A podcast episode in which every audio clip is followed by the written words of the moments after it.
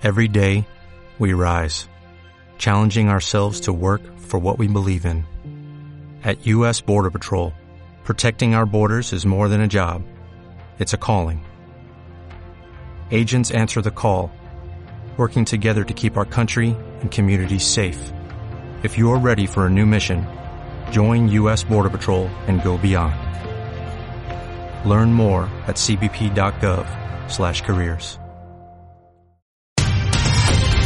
Noticiesdelta.cat, el butlletí informatiu de Ràdio Delta, amb tota l'actualitat de Deltebre.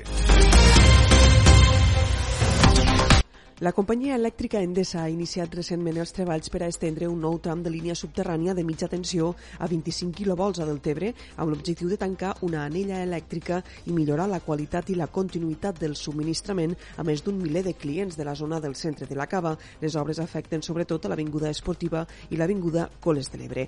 L'actuació que es du a terme conjuntament amb la filial elèctrica de l'Ebro ha suposat una inversió de gairebé 164.000 euros i consisteix en l'estesa d'un nou tram de més d'un d'un quilòmetre de longitud de cablejat subterrani per tal d'enllaçar dos línies de mitja tensió ja existents i 17 centres de transformació que fins ara estaven aïllats els uns dels altres. D'esta manera s'ha creat el que s'anomena tècnicament una anella elèctrica, el que possibilita que en cas d'incidència o avaria d'una de les línies principals es pugui donar servei als clients afectats per una via alternativa. Esta anella no només redueix el temps de reposició en cas d'avaria, sinó que en cas de treballs programats o de manteniment de la xarxa no serà necessari cap interrupció del subministrament. L'alcalde de Deltebre, Lluís Soler, ha recordat que aquestes millores han estat llargament reivindicades pel consistori de tot el que és l'àmbit del centre de la cava, que això permetrà també pues, reduir el que són eh, els talls de, de llum i que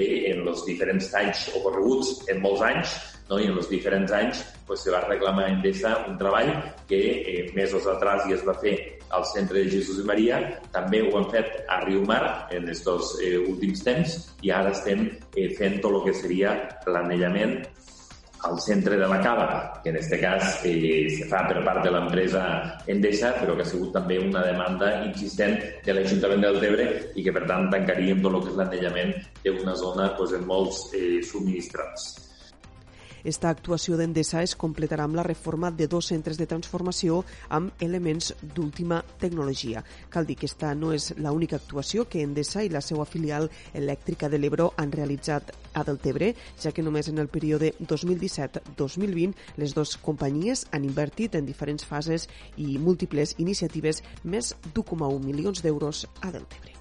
I encara un últim apunt per afegir que la Unió Esportiva Jesús i Maria està de dol després que ahir es conegués la mort de Josep Maria Torres, una persona vinculada durant molts anys al club partidalenc, primer com a jugador i també com a directiu, sobretot se'l considera un dels fundadors del futbol base del Jesús i Maria. L'Ajuntament de Deltebre ha recordat que les noves instal·lacions del camp de la UB, pendents de remodelar, portaran el nom de Josep Maria Torres per tal de posar en valor la seva aportació al club. Això és tot per ara. Més notícies, com sempre, a través del portal deltacat.cat.